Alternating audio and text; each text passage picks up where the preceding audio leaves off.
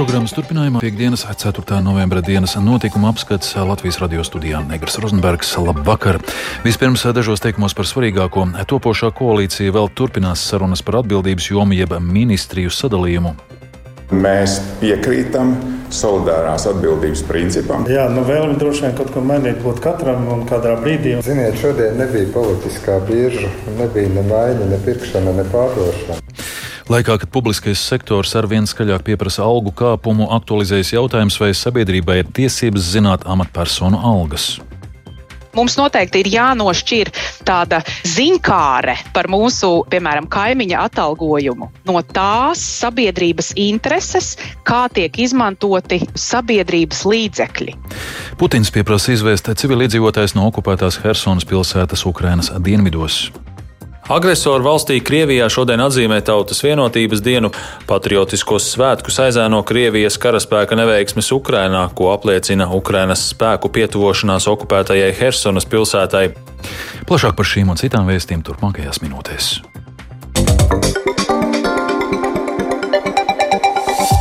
Topošā koalīcija līdztekus darbam pie valdības deklarācijas vēl turpinās sarunas par atbildības jomu sadalījumu. Tāpēc trīspusējās tikšanās pavēstījuši jaunās vienotības apvienotās saraksta Nacionālās apvienības pārstāvi.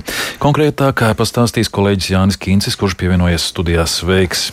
Sveiks, Eigars! Labvakar, klausītāji! Par ko tad potenciālās koalīcijas partneris šodien apspriedās? Jā, nu, politisko spēku pārstāvji ir vienisprātis par piedāvāto proporcionalitātes principu topošajā valdībā atbilstoši katra politiskā spēka gūtajam mandātu skaitam saimā. Par to turpmāko procesu atbilstoši premjera Krišāņa Kariņa ceturtdien piedāvātajam atbildību sadalījumam jaunadēļ turpināsies valdības deklarācijas izstrāde tematiskajās grupās, un kad šis darba pamatdokumenta projekts būs tapis, tad jau varētu arī sīkāk spriest par ministriju sadalījumu. Tā apgalvoja politisko spēku pārstāvji. Un arī Nacionāla apvienība piekrīt šādam procesu, šādai procesu secībai, un nākamajā, nākamā nedēļa šajā saistībā būs ļoti intensīva. Varam turpinājumā paklausīties, ko šo pēcpusdienu teica apvienotā pār, saraksta pārstāvis Ulris Pīlēns, Nacionālās apvienības pārstāvis Nauris Puntulis un Edgars Rinkevičs no jaunās vienotības. Mēs piekrītam solidārās atbildības principam, tāpēc arī ļoti svarīgs šis deklarācijas jautājums, lai mēs vienotos un saprastu, kādā veidā deklarācijā tiek atspoguļotas mūsu viskopējās atbildības sfēras, un lai mēs nonāktu līdz konkrētām ministrijām un uzvārdiem. Jā, nu vēlme droši vien kaut ko mainīt būtu katram un kādā brīdī, un tad mēs varētu sākt vienā mirklī to darīt un turpināt ļoti ilgi. Šobrīd patiešām svarīgs ir darbs par tēmām. Ziniet, šodien nebija politiskā birža, nebija ne maiņa, ne pirkšana, ne pārdošana. Nu, lūk, no šīm politiķu atbildēm jaušams, ka valdības veidošanas sarunu vadītāja Krišāņa Kariņa piedāvātais ministriju sadalījums un arī izskanējušās neoficiālās versijas par konkrētiem ministru amatu kandidātiem jaunadēļ vai arī turpmākajās nedēļās iespējams vēl varētu pamainīties. Lielākās grūtības paredzamas saistībā ar zemkopības ministrijas uh, vadību, bet ne tikai. To norādījuši politikas vērotāji. Par to paklausīsimies ierakstā. Jaunā vienotība nākamajā valdībā gatava uzņemties premjeru un sešu ministru pilnvaras. Par Krišānu Kariņu premjeru amatā un Edgara Rinkēviča darbu turpināšanu ārlietu ministra amatā šaubījies retais. Savukārt finanšu ministra amatam varētu tikt virzīts Arils Ašerādens, kura vārds saistībā ar šo amatu izskanēja jau pirms četriem gadiem. Iespējams, izglītības un zinātnes ministra amatā varētu startēt kādreizējā veselības ministra Anda Čakša, tieslietu ministra amatā deputāta Ines Lībiņa Egnere. Savukārt labklājības ministra amatam apspriežot Evikas Siliņas Valiņas kandidatūru, bet enerģētikas un klimata ministra amatu varētu piedāvāt Raimondam Čudaram. No apvienotā saraksta reģionālās attīstības ministra amatam varētu tikt nominēts Māris Sprindžuks. Iekšlietu vai zemkopības ministra amatam apsver Māru Kučīnska kandidatūru, bet veselības ministru varētu meklēt ārpus deputātu vidus. Savukārt Nacionālās apvienības nometnē ministra amats varētu saglabāt Nauris Puntuls kultūras ministrijā un Ilza Indriksona ekonomikas ministrijā. Aizsardzības ministra amatam tiekot apspriesta Ināras Mūrnieces kandidatūra bet par piedāvājumu satiksmes ministra amatā vēl nav skaidrības. Izvērtējot šīs versijas, politologs Latvijas Universitātes profesors Juris Rozenvalds norāda, ka piedāvātais sadalījums nav liels pārsteigums, taču kandidātu meklējumu, piemēram, veselības jomas pāraudzībai, nešķiet viegls uzdevums. Tāpat jaunajai vienotībai kā valdības veidošanas sarunu vadītājai uzmanību vajadzētu pievērst arī sabiedrības saliedētības integrācijas jautājumiem, tos atstājot Nacionālās apvienības pāraudzītas kultūras ministrijas atbildībā, virzība šajos jautājumos nenotikšot. Kam var, protams, nepiekrist, bet manā vērtējumā tas ir viens no galvenajiem cēloņiem, kāpēc mēs atpaliekam. Jā, ka mēs nespējam savākt to sabiedrību kopā. Nacionālajai apvienībai dažādos aspektos šī integrācija gan attiecībā uz etnolingvistiskām grupām, nu, tradicionālais krievu latviešu jautājums, gan attiecībā uz sabiedrības daudzveidību. Galu galā tie cilvēki, dažādas subkultūras un principā viņi labāk redz tās problēmas ejam nekā nākam. Katrā ziņā man liekas, ka loģiski būtu, ka kaut kādā veidā vienotība atrastu to iespēju, kā nu, tomēr atbildēt. Nu, viņi tie vienīgie, kas to jautājumu izvirza, un arī viss tās lozungs, pilsoniskās sabiedrības veidošana un tam līdzīgi. Lielākā neziņa nākamajā valdībā ir ap zemkopības ministra amatu. Nacionālās apvienības pārstāvji iepriekš daudzkārt pauduši, ka vēlētos pretendēt uz visiem līdzinējiem ministru amatiem. Taču Kariņa piedāvājumā zemkopības joma uzticēta apvienotajiem sarakstam, bet Nacionālajai apvienībai piedāvāta satiksmes joma. Šo versiju politologs sabiedrisko attiecību aģentūras mētī tilts vadītājs Filips Rajevskis saist ar Kasparu Gerhardu personību. Man ir nelaba sajūta, ka notiek saruna gan par ministriju, gan par kandidatūru. Mēs dosim jums labu ministriju, bet varbūt tomēr tad ievērojam principus, ko pats Kariņš definēja pirmajā dienā pēc vēlēšanām, ka neievēlētie nav ministra amatos. Komentējot versijas par konkrētām kandidatūrām uz ministru amatiem, Rajevskis atzīst, ka pārsteidzoši būtu Andas Čakšas pievēršanās izglītības un zinātnes ministra amatam. Kā lielu izaicinājumu viņš min Evikas Siliņas kandidatūru labklājības jomas nozarei. Tās ir ugunskristības. Pirmais ministra amats, labklājības ministra amats, ja tās ugunskristības iztur, tad, protams, var teikt, ka tam cilvēkam ir nu, politiskais krāms, viņš ir uz palikšanu politikā. Jānis Kincis, Latvijas radio. Topošās koalīcijas partneri jauno klimata un enerģētikas ministriju apņēmušies izveidot pārdalot resursus no citām ministrijām. Ko par jaunās ministrijas izveidi saka cilvēki un kā vērtē mēģinājumu izveidot valdību, Rīgas ielās izteiktos viedokļus apkopoja Viktors Demidovs. Nu, es domāju, ka valdības vīri to ir visu izsvēruši, un es pilnībā piekrītu, jo tas ir aktuāli un vajadzīgs. Tur jāstāsta, protams, kas to jomu pārzina. Ja izveidot ministriju ministrijas pēc, tas ir muļķīgi. Ja ir spēcīgs vadītājs, veido spēcīgu komandu, tas jau ir prioritāri. Man liekas, ka nevajadzētu izveidot jaunu ministriju. Man liekas, ka vajadzētu vienkārši pārskatīt tas, kas jau ir, jāskatās, kas jāmaina tur. Tā ir mūsu ikdiena. Nu, protams, atkarīgs no tā, cik liela tiek izveidota, kā tam tiek pieiets klāt. Ja viņi patiešām darīs, lai Dievs viņiem stāv klāt un palīdz vai ne visās lietās. Bet, ja viņi tikai mulda, tad tā ir viņu problēma. Nu, mums ir jāmēģina. Nu, nevajag visam teikt nē, bet nu, tad tiešām ir jābūt ar gudriem prātiem. Kā jūs vērtējat mēģinājumu izveidot valdību? Smagi, bet es domāju, ka Kariņš ļoti labi tiek ar to galā. Nē, viss normāli. Tā arī visam vajadzēja būt. Jo trīs partijas, nekā lieka. Es domāju, ka viņi ļoti normāli šobrīd sadalīja. Viņi ļoti skaisti runā, viņi ļoti skaisti vai neparāda. Tagad sekojiet tauta lielā barā aiz mums, un tiem vārdiem nav saguma. Sajūta, ka nekas baigi tur tā nemainīsies, un viņš ir citādāk kā parasti, bet nu, nu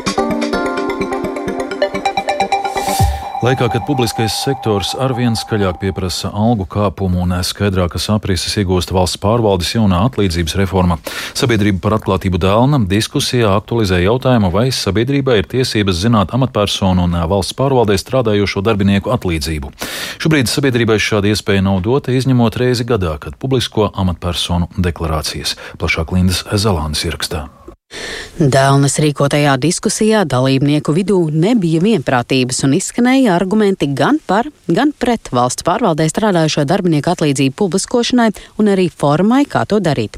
Tieši forma bija klupšanas akmens 12. saimas pieņemtajam likumam, uz kuru norāda arī 2019. gadā pieņemtais satversmes tiesas spriedums. Toreiz satversmes tiesā vērsās divu valsts dibinātu augstskolu, Rīgas Tehniskās universitātes un Rīgas Stradiņu universitātes darbinieki. Viņa lūdza tiesu izvērtēt, vai publiskojot cilvēka vārdu, uzvārdu, amatu un atalgojumu, netiek aizskartas tiesības uz privātās dzīves neaizskaramību. Tiesa toreiz lēma par labu pieteikumu iesniedzējiem un apstrīdētās normas zaudējas spēku. Dēlnas padomas priekšsēdētāja vietniece Hevita Goša akcentē, ka satversmes tiesas lēmums nenosaka, ka atklātības princips būtu slikts, bet tika pārkāpts labas likumdošanas princips.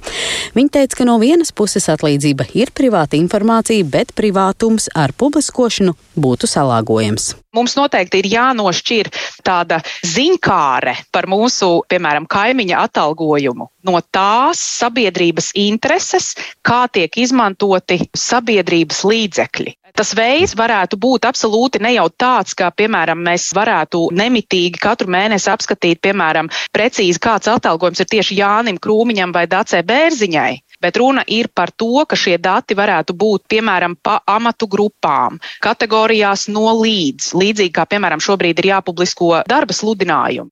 Līdzīgās domās ir arī Latvijas pašvaldības savienības padomniece juridiskajos jautājumos Kristīna Kīņša, sakot, ka atklātības princips pats par sevi nav slikts. Jautājums ir par to, cik daudz un kādu informāciju publiskot. Lai arī tie, kas strādā valsts iestādēs vai pašvaldību iestādēs, ir zināmā mērā publiskas personas un viņas attiecīgi īsteno publiskas darbības, viņiem arī ir sava privātā dzīve un, un atalgojums, ko viņi saņem, ir šīs dzīves sastāvdaļa.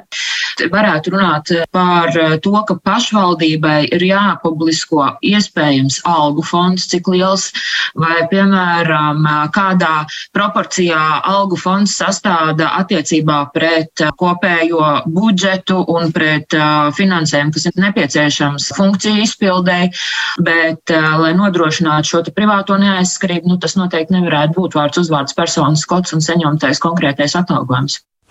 Pret šādu ieceru ir partijas par progresīvie frakcijas vadītājs Rīgas domē Mārtiņš Kosovičs izsakot šaubas, vai iedzīvotājs saprast un spētu liederīgi izvērtēt informāciju, ja būtu redzams, ka, piemēram, Rīgas pašvaldības administrācija atalgojumā saņem konkrētu procentu no kopīgā pašvaldības budžeta.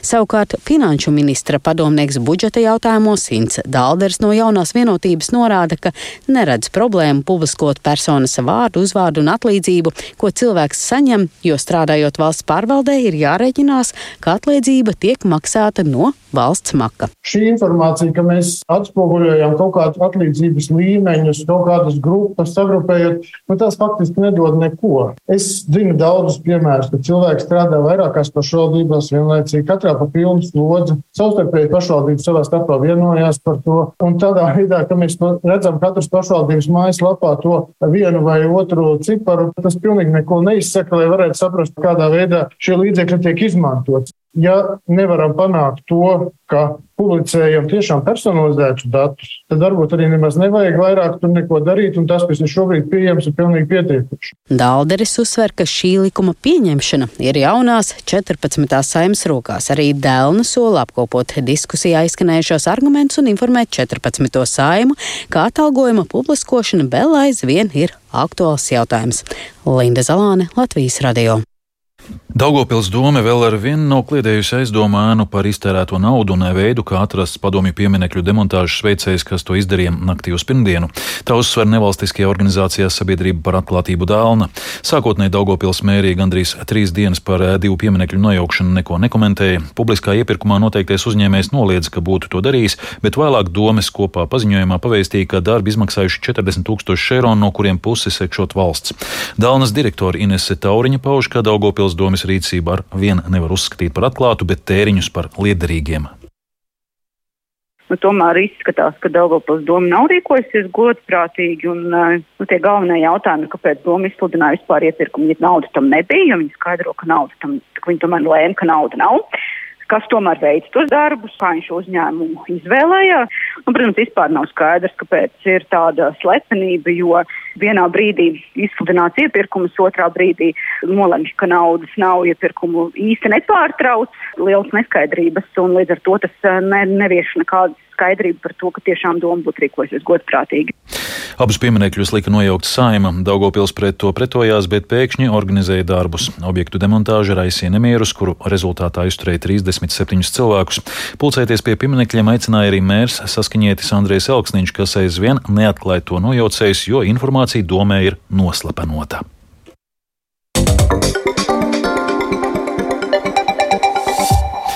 Krievijas prezidents Vladimirs Putins aicinājis civiliedzīvotājs pamest viņa karaspēku okupēto Helsonas pilsētu Ukrainas dienvidos, kur sekmīgas pretuzbrukuma operācijas veids Ukrainas armija.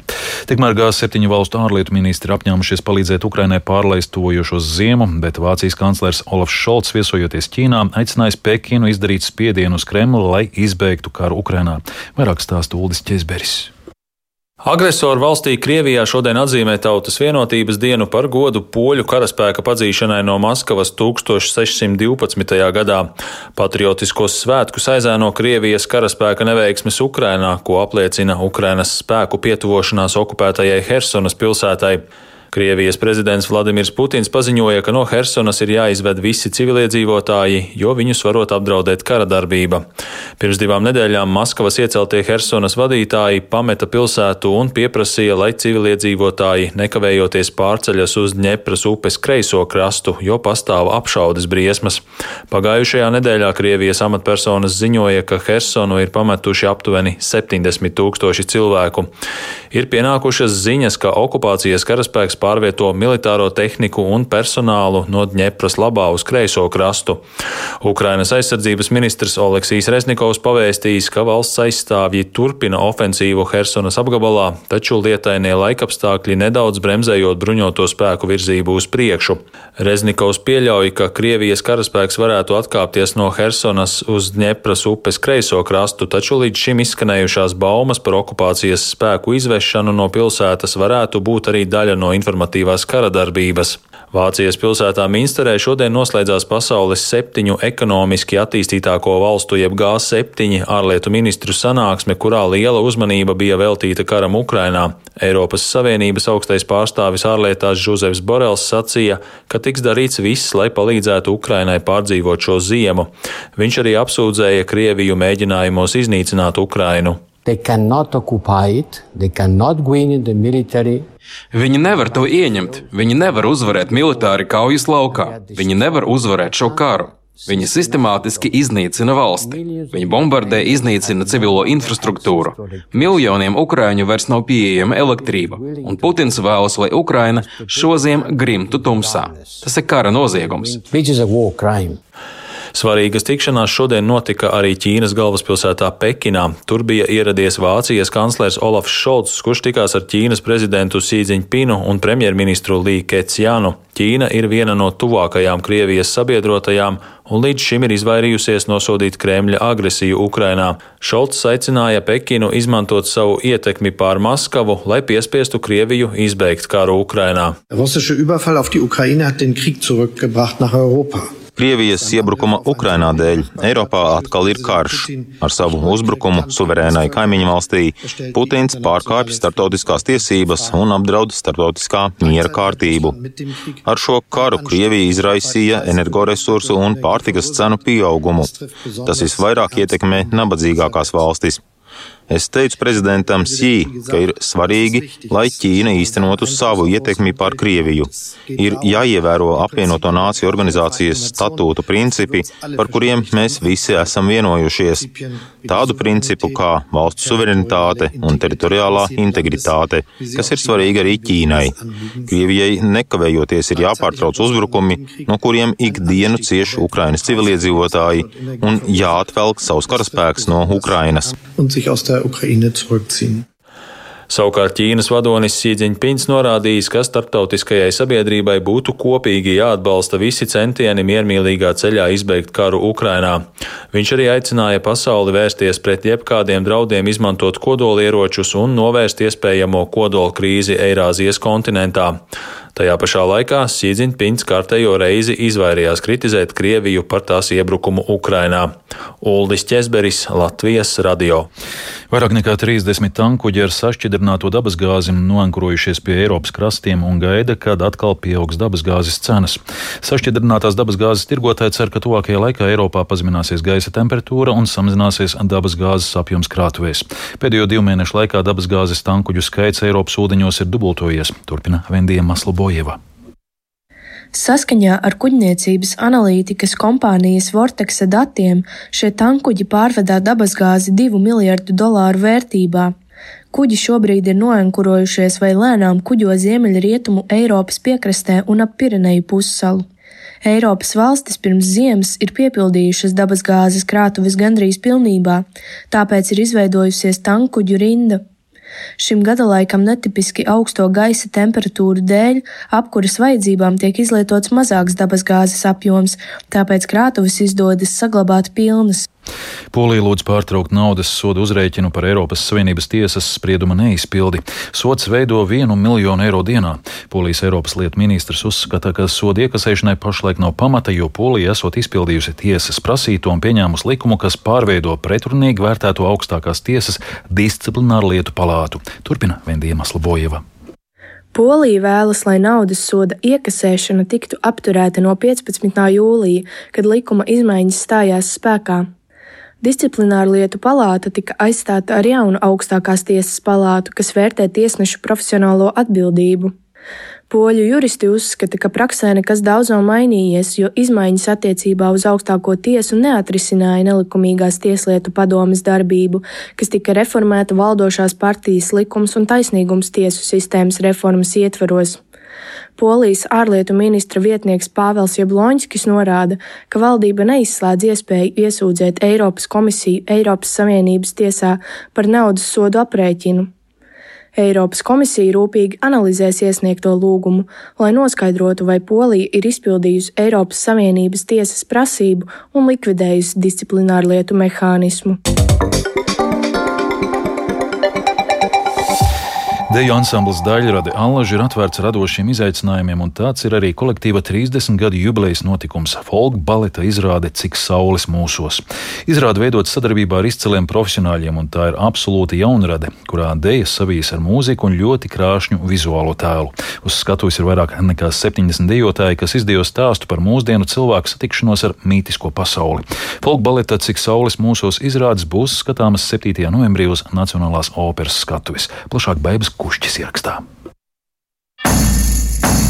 Dieva dēli saules meitas rotaļām izspēlējās. Folkbaleta izrāde, cik saules mūsos ir amatieru kolektīvam netipiska. To veidojot, Daļrada sev uzlikusi ļoti augstu kvalitātes latiņu un uz sadarbību aicinājusi veselu virkni izcilu savas jomas profesionāļu. Visa galvgalī ir režisors un multimākslinieks Roberts Rubīns, scenāriste ir Lita Silova, mūzikas autors Kārlis Auzāns, horeogrāfi Liena Grava un Rēnis Rešetins, kuri tautisko deju savijuši ar laikmatīgās dejas elementiem. Izrādēja ļoti izteiksmīgs vizuālais tēls, ko raksturo deju ansambļa Dairada mākslinieckā vadītāja Iveta Petersone Lazdāne. Mūsu izrādes milzīgais ieguvums ir Ilza Vītoliņa ar saviem burvīgajiem tērpiem, kas spēlējas līdzi choreogrāfijā un iedod šai izrādē arī savu pilnīgi citu vēl skatījumu, jo meitu brunči un puišu tērpi. Un jāsaka, ka šajā izrādē ir ļoti svarīga detaļa meiteņu garie mati, kuri arī dzīvo savu choreogrāfiju izrādē cauri scenogrāfe Annija Minalgo, Egils Kupčs, gaismas mākslinieks, kas arī iedos savu to izrādēju pienesumu ar to seriālo dziļo sajūtu, mītiskumu, pienesot uh, arī caur gaismām. Un um, uz skatuves vienlaikus ir 75 dejotāji, kuri iznāk ārā no scenogrāfijas, no šī visuma lielā apļa un uh, ir uz skatuves visas stundas garumā. Stādīja vienu baltu pupu pašā galā uzaugs dieva gara līdz pašām debesīm. Baiba Kušķe, Latvijas radio. Dzirdējāt 4. novembra dienas notikuma apskatu programmas producents Edgars Kupčs, par skanējumu rūpējās Mārtiņš Paiglis un Renārs Šteimanis. Studijā Negars Rozenbergs varēs par svarīgāko. Topošā koalīcija vēl turpinās sarunas par atbildības jomu jeb ministriju sadalījumu, laikā, kad publiskais sektors arvien skaļāk pieprasa algu kāpumu, aktualizējas jautājums, vai sabiedrībai ir tiesības zināt amatpersonu algas. Putins pieprasa izvest civiliedzīvotājs no okupētās Hersonas pilsētas Ukrainas dienvidos. Mūsu ziņā var sakot līdzi arī Latvijas radio viens Facebook lapā un LSMLV. Raidījuma atkārtojums meklējams raidierakstu platformā kā dienas ziņas, un Latvijas radio lietotnē mūs var klausīties savā vietā, runī, jebkurā laikā, jebkurā vietā.